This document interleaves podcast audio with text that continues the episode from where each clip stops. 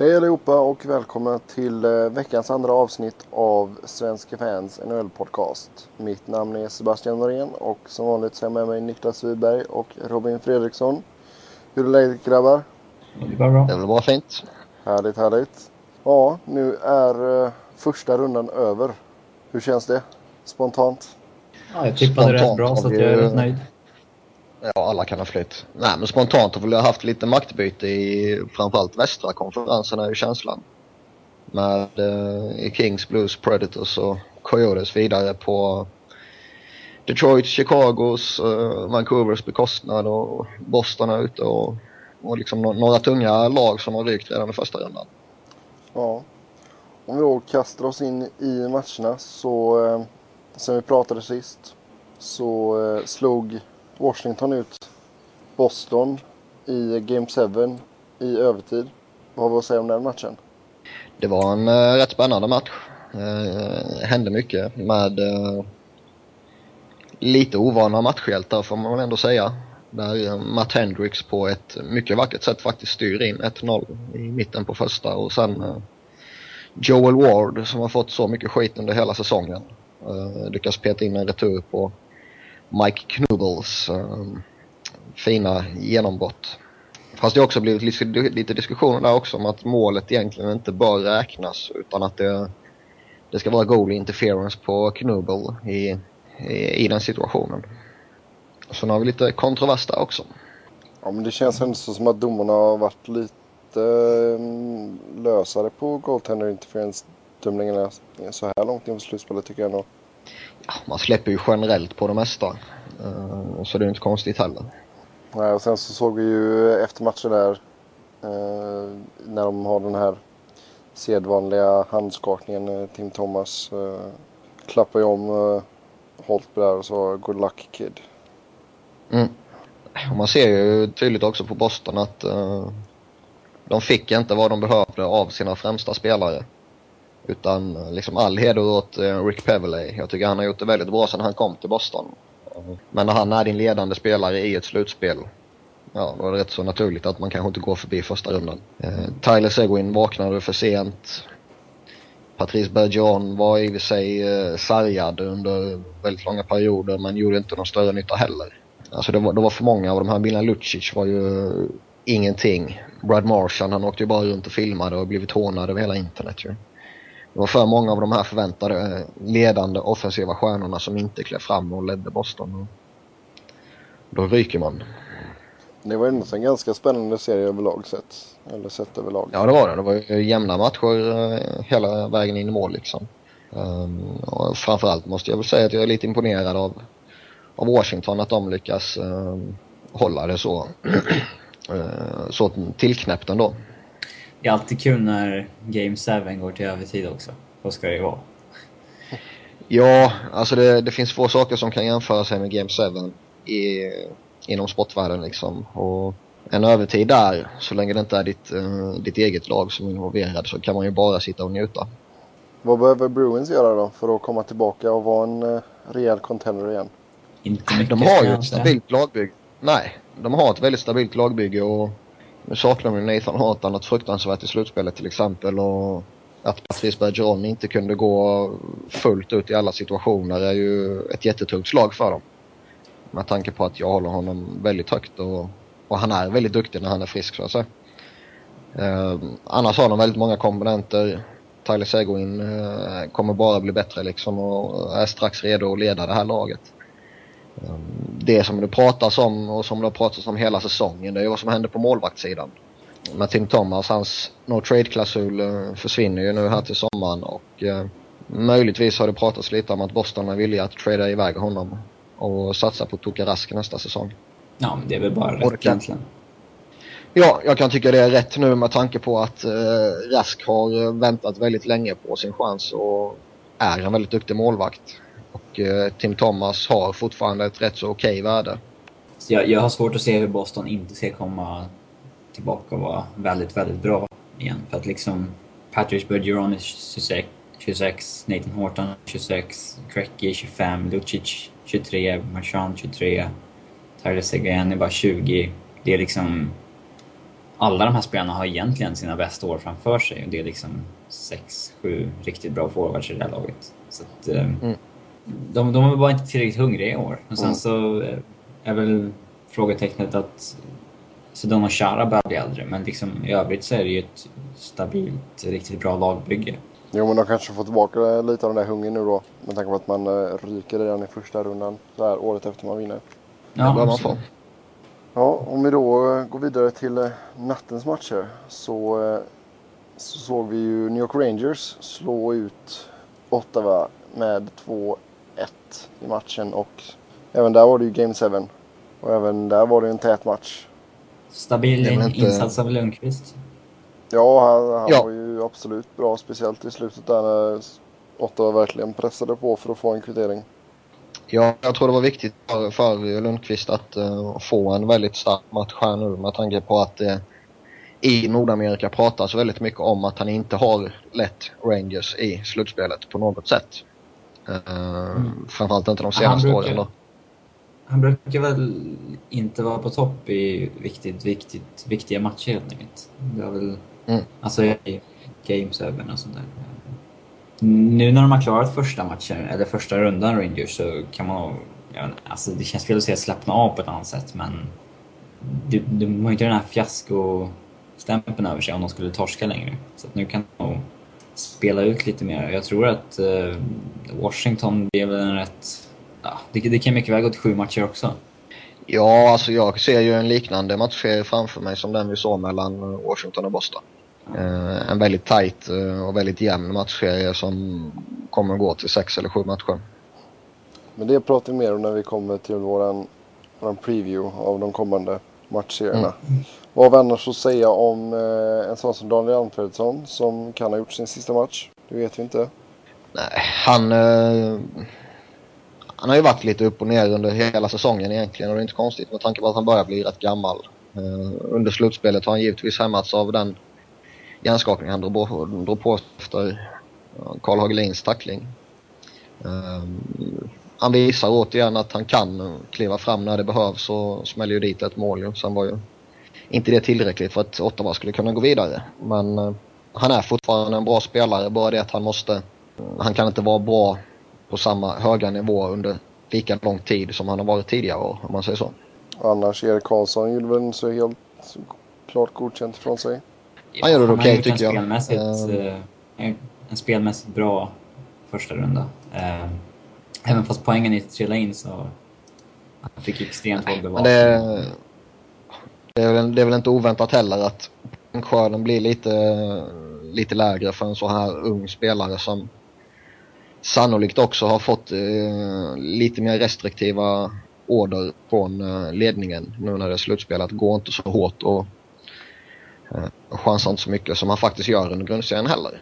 Eh, och ehm, som, som Robin var inne på, han har haft en väldigt tight bevakning och Rangers är ett eh, skickligt defensivt lag så det, det är inte konstigt att poängskörden blev lite liten. Sen hade jag väl trott att han skulle göra mer än en poäng i och för sig. Vad har vi att säga om Silverbergs eh, två matcher i Ottawa då? Jag tyckte det var lite synd att de skulle hetsa över honom dit och kasta in honom. Han spelar nio minuter bägge matcherna, gör väl inget större avtryck ifrån sig. Men förmodligen en nyttig erfarenhet inför framtiden för honom. Ja, nu vet jag lite vad som, uh, vad väntar när han ska över igen uh, efter sommaren. Vilket jag räknar med att han kommer sticka över givetvis då. Um, så det var som Robin sa, en, en nyttig erfarenhet först och främst. Uh, både för Silverberg själv som direkt känner på vad det verkligen krävs för att kunna hävda sig i NHL och uh, framförallt för Ottawa också som får se, se honom i, i en bra situation så att säga. Och eh, sedan i nattens sista match så skickade New Jersey ut Florida. 3-2 slutade matchen, Game 7. Andra övertidsperioden spännande värre. Ja. ja, det har också varit en väldigt intressant och, och underhållande matchserie. Vilket jag inte trodde på förhand faktiskt. Det har varit rätt roliga matcher fram och tillbaka och väldigt konstiga matcher. Sen har det inte varit i, i samma nivå som Flyers Penguins-serien givetvis men det, den var ju så absurd så det går inte att jämföra med.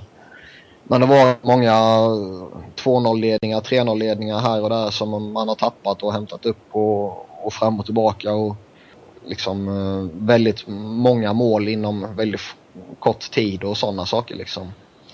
Så det har varit en, en rätt galen matchserie ur den aspekten. Sen tycker jag nog att eh, New Jersey har varit det bättre laget. Sett över sju matcher. Jag, jag trodde nog de skulle ta det eh, efter fem, sex matcher faktiskt. Ja, vi var väl nästan lite inne på att om det var den matchen, eller matchserien där vi trodde att det skulle möjligtvis kunna vara en svepning. Ja. Annars har vi någonting annat att säga om matchen. En, Enrique gjorde två mål. En spelare som Robin har lyft fram vid ett antal, eh, antal tillfällen här. Ja, det var viktigt att han klev fram nu och gjorde de sina två första målen i slutspelet. Eh, nu behövdes det ju verkligen.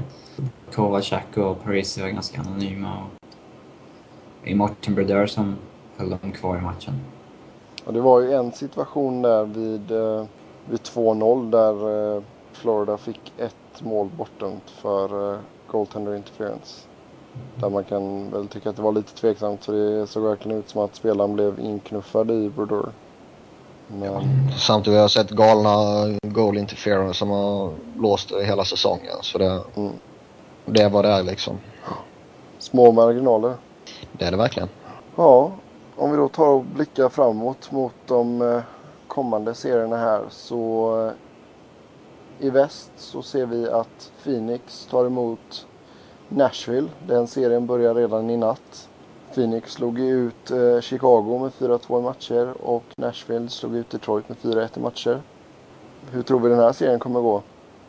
Den kommer vara som matcherna mellan Kings och Blues också kommer att vara. Kommer att vara väldigt tight och väldigt defensivt inriktad givetvis. Eh, de här fyra lagen som är kvar i, i västra konferensen, de kan bara spela på ett sätt. Eh, om man ska bli framgångsrika. Så det, alla förväntar sig att det, det kommer att bli väldigt tight och väldigt målsnålt och det känns som att målvaktsspelet kommer få ännu större betydelse i, i de två matcherna än vad det kanske är i, i vanliga fall. Med tanke på att det sannolikt inte kommer göra så mycket mål. Nej, men samtidigt alltså tittar man på mötena under säsongen mellan Nashville och Phoenix så har det ändå varit en del mål.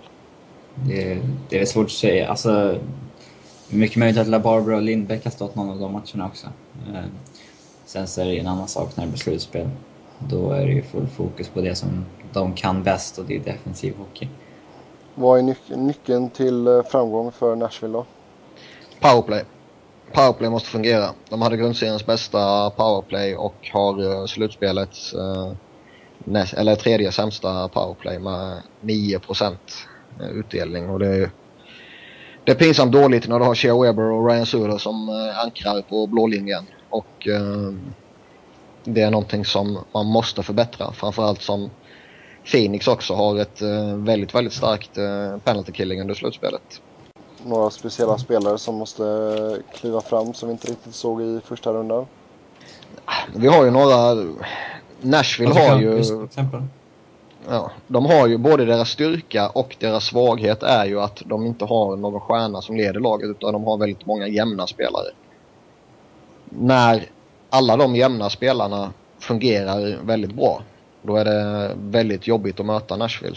Um, om man menar fungerar väldigt bra rent vad man producerar i poäng då. Um, det var väl lite sådär mot Detroit. Sen lyckades de ju ta sig vidare ändå. Men som Robin sa, Hörnqvist noll mål. Mike Fisher noll mål. Martin Erat noll mål. Um, de tre vill jag lyfta fram som några som måste släppa upp sig. Jag menar, nu är det Gabriel Bork som har gjort mest mål i, hittills i slutspelet. Och det är väl kanske ingen man kan luta sig mot så sett. Jag tror ju för Phoenix del så gäller det ju verkligen att, eh, att Mike Smith fortsätter att storspela självklart. Men sedan också att eh, Ray Whitney, Radim Verbata och Shane Doan tar ett rejält kliv framåt i eh, poängproduktionen. Ja, både just... Doan och Whitney har väl varit lite sådär kan jag tycka. Ja, Whitney har ju tre poäng på sex matcher. Det är, det är väl inte, det är inte katastrof men eh, det Doan har ju mest ägnat sig åt att tackla folk, känns det som, i mm. första rundan. Um, Verbata åkte ju på en smäll i första matchen och har väl inte riktigt varit sig själv efter det. Så eh, jag vet inte, just nu är det ju Antoine Vermette som är poängbäst och målbäst med fyra mål och en assist. Det, det är ju inte heller någon spelare man kan förlita sig på ska bära laget över en längre period.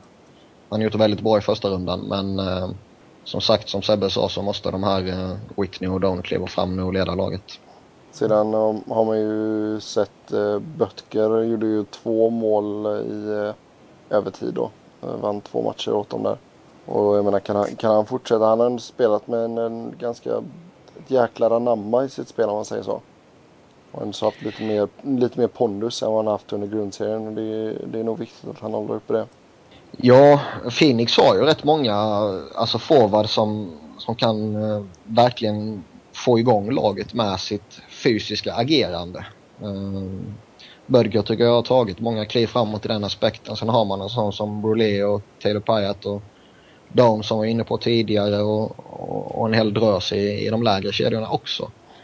Och det är ju en väldigt, väldigt skillnad på hur Nashville och eh, hur eh, Phoenix har agerat rent fysiskt. Uh, ser man på första rundan så var uh, Nashville en av de uh, minst fysiska lagen mot Detroit med 117 tacklingar till exempel medan Phoenix var ett av de mer fysiska lagen med 246 tacklingar. Och den skillnaden är rätt markant kan jag tycka. Mm. Så hur de två lagen hävdar sig i den matchen, matchen kommer bli väldigt intressant att se. Jo, alltså Phoenix måste ju verkligen fortsätta att spela så, så fysiskt som man gjorde mot Chicago. Och verkligen eh, sätta stopp för, jag tycker att Radulov har gjort det bra i första rundan. En poäng per match, det är väl det han ska ligga på ungefär. Så. Ja, så jag menar, gå hårt åt honom är ju ett måste. Ja, för honom lite gnällig och lite grinig och, och lite, tycker jag det är allmänt uh, tråkigt. Det, det, är ett framgångsrecept för Phoenix det. Ja. Sen är det väl viktigt nu också att uh, Hansal kommer tillbaka. Han spelade ju bara tre matcher i första rundan. Mm. Så... Uh, för där har man en stor man, kille. Att man går riktigt hårt åt Shea Webber är också en nyckel som... Ungefär som Vancouver gjorde på Chara i finalen i fjol. Varje gång han är och hämtar puck ska han få känna på en tackling. Mm. Jo men det kommer nog uh, Dones till att han, att han gör. Ja. Har vi några andra ord om den serien? Vad, hur tror vi att det går? Jag säger väl 4-2 Nashville.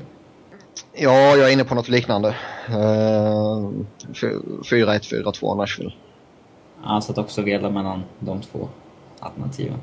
Inte för, alltså, Phoenix offensiv kan nog slå hål på Chicago bitvis darriga defensiv, men jag tror inte den kan slå hål på Nashvilles defensiv.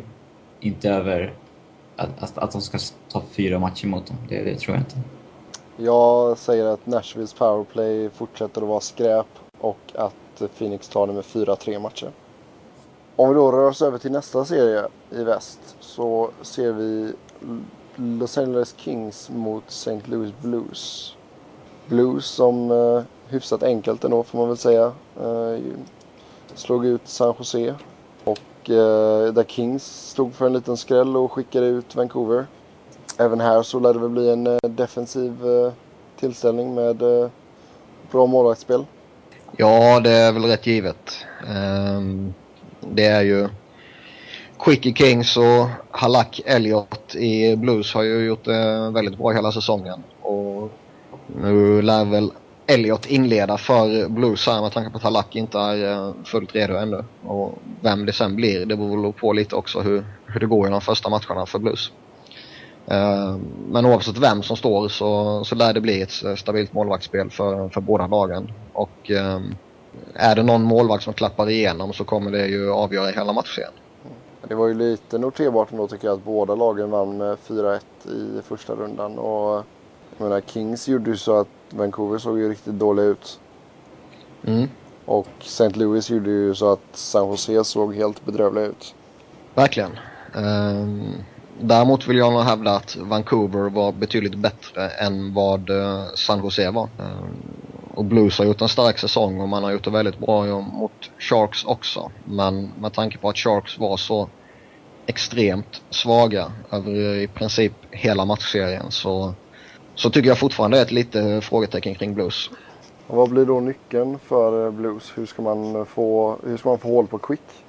mycket, mycket, mycket skott och eh, väldigt mycket sidledspassningar så han får röra på sig och flänga fram och tillbaka och givetvis eh, screena honom så mycket det bara går.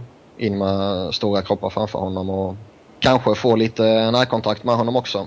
Så han börjar tänka på andra saker. Utan att för den delen ta någon utvisning för goal interference då givetvis. Mm. Det är viktigt också att powerplay fortsätter att fungera som det gjorde under första rundan för Blues då. Ja, det är väl en så den stora nyckeln här va? Det är väl just powerplay. Ja, det, det, det kan man säga för alla matcher givetvis att uh, special teams är uh, avgörande. Så är det alltid, så kommer det alltid vara. Men med tanke på att... Uh, speciellt Blues en defensiv... Ja, framförallt i en sån här match och Blues powerplay var ju tre gånger så bra som Kings powerplay i första rundan till exempel. Och vad ska Kings göra för att gå segrande ur den här matchupen? De har ju mycket alltså, potential, alltså offensiven. Jeff Carter är hittills mållös. Kopitar och Brown har ju visat upp en fin form.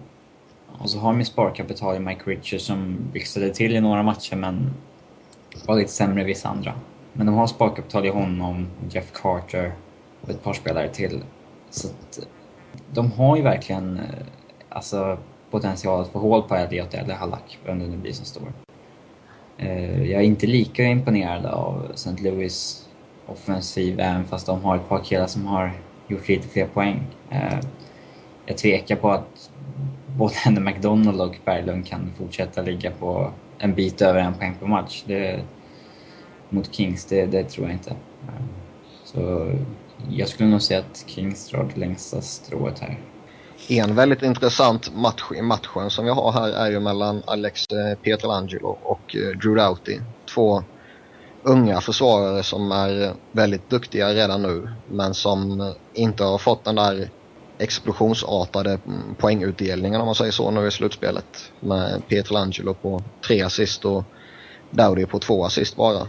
Um, är det någon av de två som verkligen prickar in formtopp här nu och, och börjar mm, pissa in poäng så, så kommer det betyda väldigt mycket. Ja, och sen vi såg ju redan i grundserien att eh, det är hyfsat jämnt med de här, mellan de här två lagen. Jag tror att eh, ja, Kings vann i och för sig första matchen under säsongen med 5-0 men det var ju när Blues var riktigt bedrövliga. Men i, i sista mötet under grundserien så eh, gick det ju hela vägen till straffar där Kings vann med ett, efter straffar då. Och, eh, det, blir, det blir ett litet eh, schackspel tror jag. Ja, det kommer det bli. Så får vi se om det blir Sutter eller Hitchcock som gör de rätta dragen. Ja, vad tror vi då? Jag tror att Kings kommer ta detta. Jag, jag får ju säga det. Hur många säger, matcher vet jag inte. Jag säger 4-3 Kings.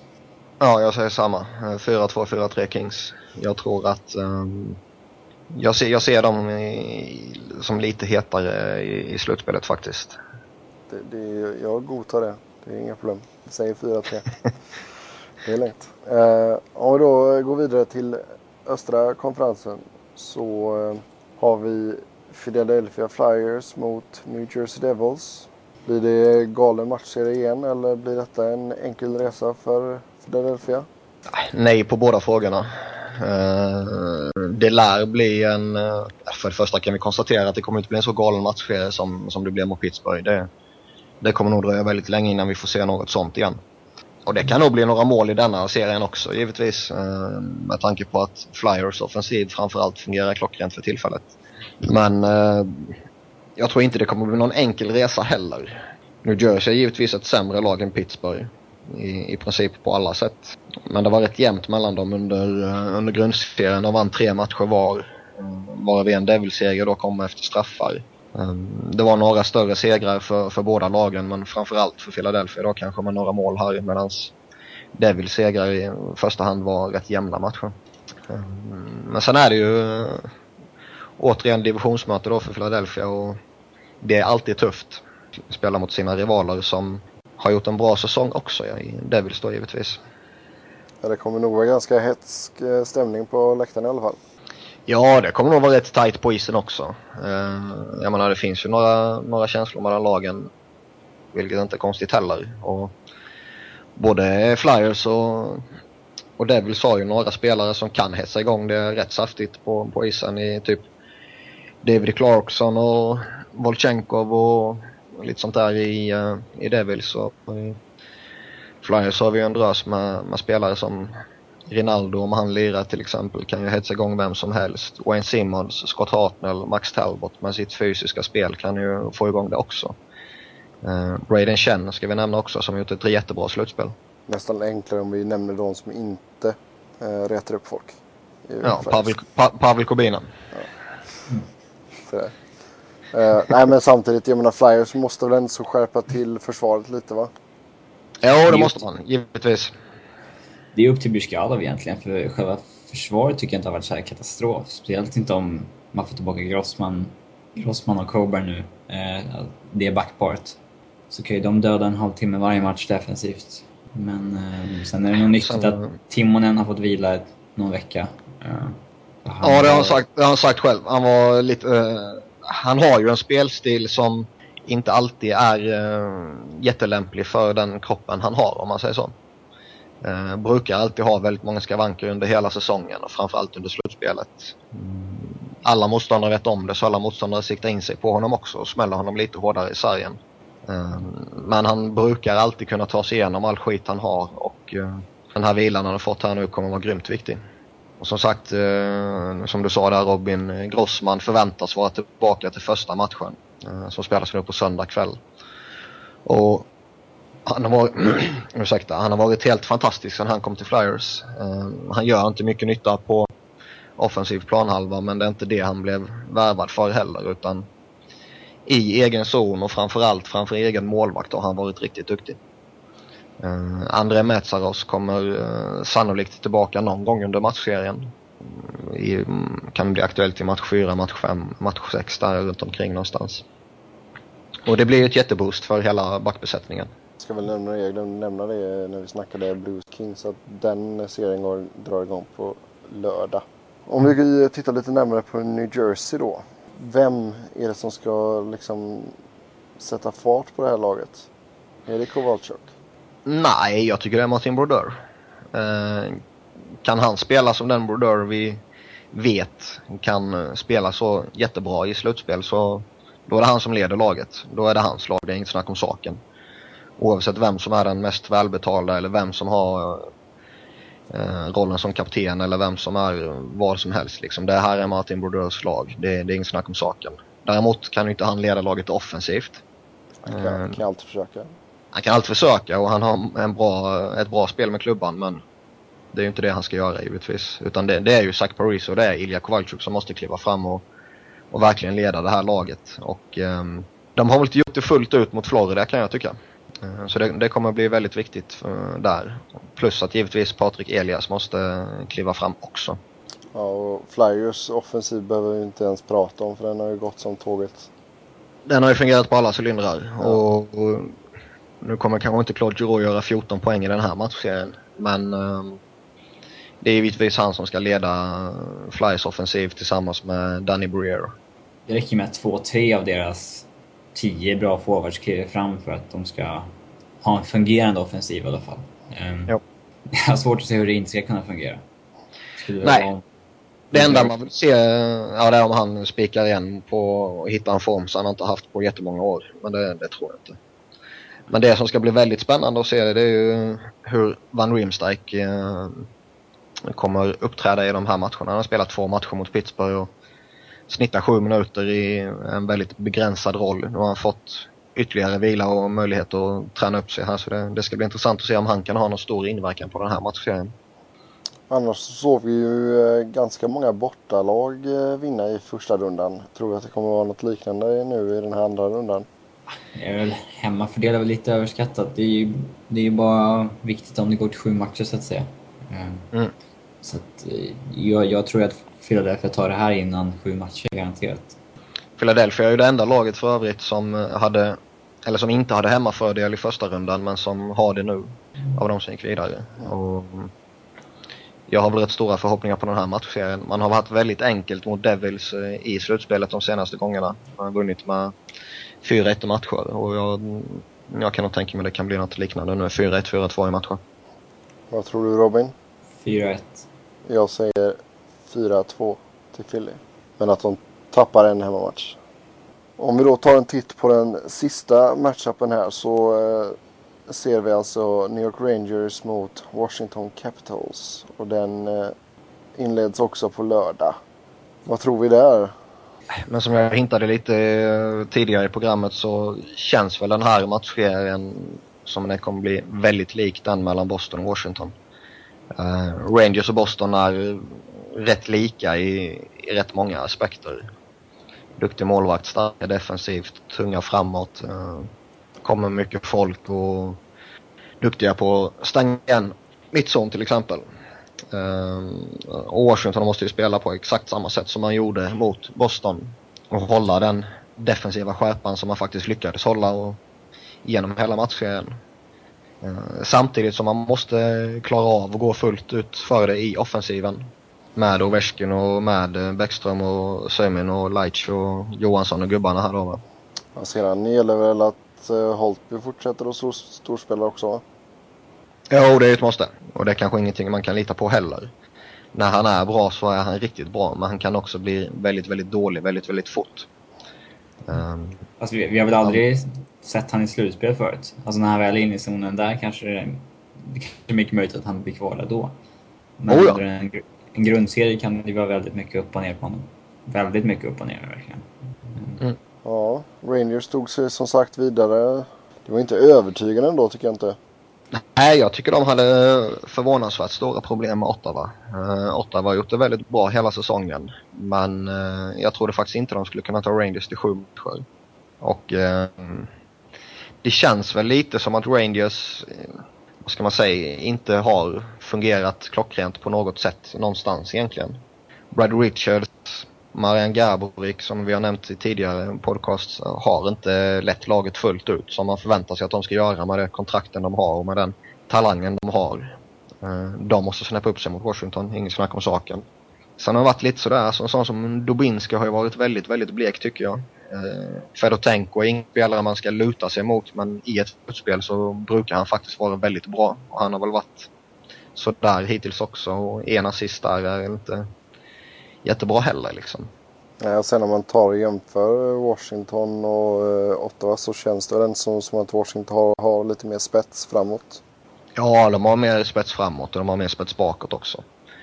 Uh, utan att ta någon ära från Ottawa som uh, verkligen spänner musklerna och visar att man inte ska ta lätt i ett slutspel så, så känns Washington generellt som ett lite hetare lag tycker jag. Ja, vad ska Rangers då göra för att ta sig vidare till eh, konferensfinal? De måste spela samma tajta defensiv som de har visat hela säsongen i, i princip och uh, givetvis kommer Henrik Lundqvist vara en nyckel där. Han, uh, han måste vara Rangers bästa spelare. Är han det kan de vinna vilken match som helst. Uh, de offensiva stjärnorna måste bli de offensiva stjärnorna. De måste leva upp till de kontrakten de har. Så enkelt är det. Och det är i princip samma grej för, för Washington egentligen.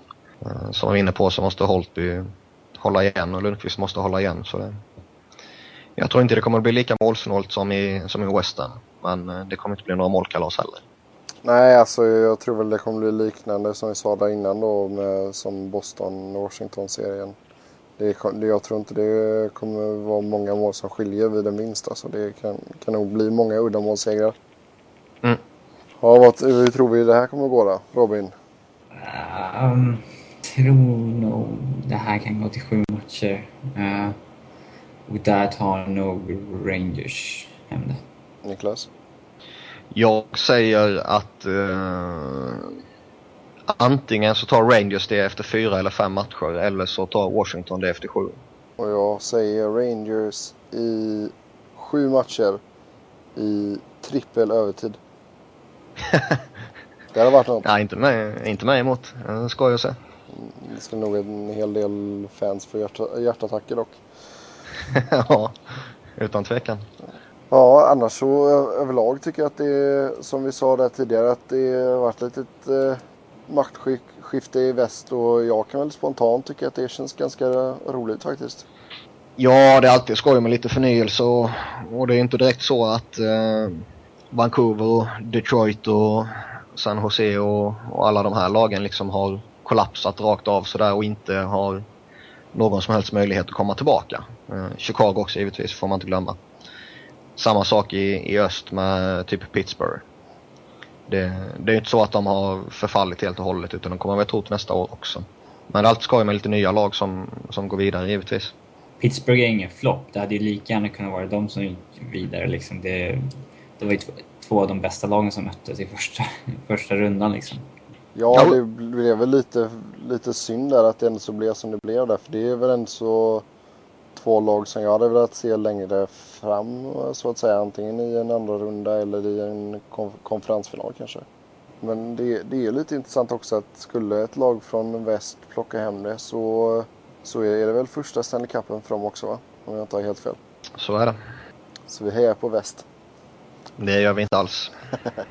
ja, vi pratade lite tidigare om Boston som åkte ut eh, och att de egentligen inte behöver göra några större förändringar i laget. Om vi, om vi då tittar på de andra två lagen som åkte här i veckan så eh, om vi börjar med Ottawa. De har ett spännande lagbygge på gång också. De har eh, en hel del komponenter som eh, det är värt att bygga någonting på inför framtiden. Jason Spetsa, Milan Michalek kan leda det här laget offensivt. Det har de visat under grundserien och Spetsa visade framförallt under slutspelet där han var väldigt duktig tycker jag. Um, sen har de de här unga i uh, Kyle Turris har ju fått ett uppvaknande igen. Silverberg kommer bli jätteduktig. Det är några forwards till där som, som kommer bli väldigt bra. Sen har de ju då Karlsson givetvis på backsidan och där måste Jared det bli intressant. Också. Uh, ja. En bra säsong. Um, ja, väldigt. Craig Anderson övertygade ju jättemycket i slutspelet. Har han varit väldigt mycket upp och ner under, under grundserien. Men där har de ju två väldigt duktiga unga målvakter som kommer bakom honom också i Ben Bishop och Robin Lena då givetvis. Va? Det ska bli väldigt intressant att se vem de satsar på där faktiskt. Ja, det känns som att uh, de bör satsa på en och trada en annan mot något bra utbyte kanske. Ja, de kan inte ha kvar Len i AHL särskilt länge till, känns det som. De har ju varit där Nej, det känns som, tre år liksom. Nä, nästa säsong klarar, klarar man sig nog uh, med båda två, men sen tycker jag att man definitivt bör ta ett beslut vem man ska satsa på. Uh, men det ska bli väldigt intressant att se hur uh, Daniel Alfredsson kommer göra. Uh, spelar han vidare så är det ett uh, väldigt positivt besked för, för Senators givetvis. Väljer han att sluta, vilket det pratas en hel del om och har gjort så hela säsongen, så måste de ju få in någon spelare som uh, en veteran då som kan, uh, man kan luta sig på lite, lite framåt och kanske inte ska vinna varenda match åt men som har varit med och vet vad som gäller liksom. Det är spännande att se om uh, Sebenejad kommer tillbaka också. Mm. Ja, de har en del uh, hyggliga prospects i laget, som Mark Stone också. Som, Ja, om vi tar en titt på Florida då.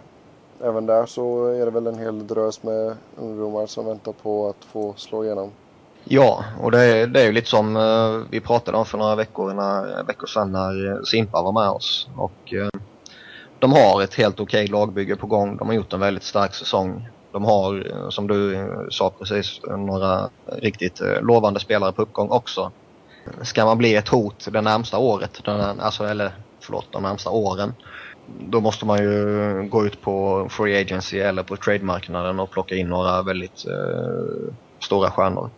Det tror jag inte man kommer göra och jag tycker inte man ska göra det heller. Utan, eh, man ska låta de här unga ledande spelarna utvecklas och eh, går det rätt väg för dem så, så har man ett lag om några år som definitivt kan utmana. Men ett toppnamn borde man väl ändå kunna ta in? Någon bra spelare kan man ju alltid tänka. Jag menar, det, det känns ju inte som att de har haft någon riktig fixstjärna sen uh, Bure var där. Det är väl Huberdeau som ska är tänkt att bli det. Mm. Sen är det ju, alltså det, det, finns ju inte jättemånga eh, till sommaren här på Free Agency som jag tror Florida kan locka till sig och som kommer ha någon jätte impact på, på deras, uh, deras eh, lag så att säga. Uh, jag tror inte Alexander Söjmen är rätt spelare för dem att ta in till exempel. Eh, Zach Parise tror jag kommer gå till en betydligt större contender om han väljer att lämna Devils. Shane Doan kommer sannolikt vara i Phoenix eller eh, i ett betydligt bättre lag än Florida. Eh, Teemu spelar i Anaheim eller slutar. Alltså det, det finns inte jättemånga forwards här som, som man kan plocka in och som, som kan bli den där fixstjärnan som jag håller med om att de behöver. Sen tycker jag att man måste börja fasa in Jakob Markström nästa år på ett mer eh, ordentligt sätt. Han spelar bara sju matcher i år och eh, nästa säsong så bör han väl i alla fall ha en tydlig andra målvaktsroll. Han bör väl i alla fall stå minst 20 matcher tycker jag. Ja, Ja, men det känns som det- att eh, Scott Clemensen kommer få lämna under sommaren och sen blir det José Theodore och Markström nästa säsong. Ja, exakt. Det ska bli spännande att se för han har ju... Där har vi ju verkligen en kille med potential. Han likt Lener har ju alltid gjort det bra när han väl har varit uppe och stått också. Men, eh, och jag är väl egentligen, både, både Lener och Markström är egentligen tillräckligt bra för att vara i NHL, men de ser hellre att de matchas vecka ut vecka in i AHL än att stå en, en match varannan vecka i NHL. Ja, och det det är också väl- är rätt väg att vandra. Ja, jag tänkte säga det. Det är väl ganska vettigt ändå just när det kommer till målvakter va? Ja, det är det. Speciellt om de kommer från Sverige och ska lära sig spelet på mindre rinkar. Men sen är det klart att de inte kan vara kvar i AHL hur länge som helst. Nej, de är ju bra båda två, så de får nog känna på en del NHL nästa år. Ja, och med de orden så tackar vi för oss för den här veckan. Eh, Som vanligt så eh, vill ni prata hockey med oss så är Twitter bästa medium att göra detta. Eh, Mig hittar ni på Seb Noren i ett ord. Niklas hittar ni på Niklas Wiberg i ett ord, Niklas med C. Och Robin hittar ni på R underscore Fredriksson. Sedan så vill jag fortsätta och eh, pusha för hashtaggen Svensk FNs NHL-podcast i ett långt härligt ord. Har ni frågor, funderingar så är det bara att skriva så eh, får vi se om vi inte kan ta upp det i programmet. Så, eller ja, tills vi hörs igen på tisdag så får ni ha en jättebra hockeyhelg och eh, vi hoppas att eh, andra rundan eh, inleds med eh, spännande matcher. Ha det gött, hej! Hej. Hej.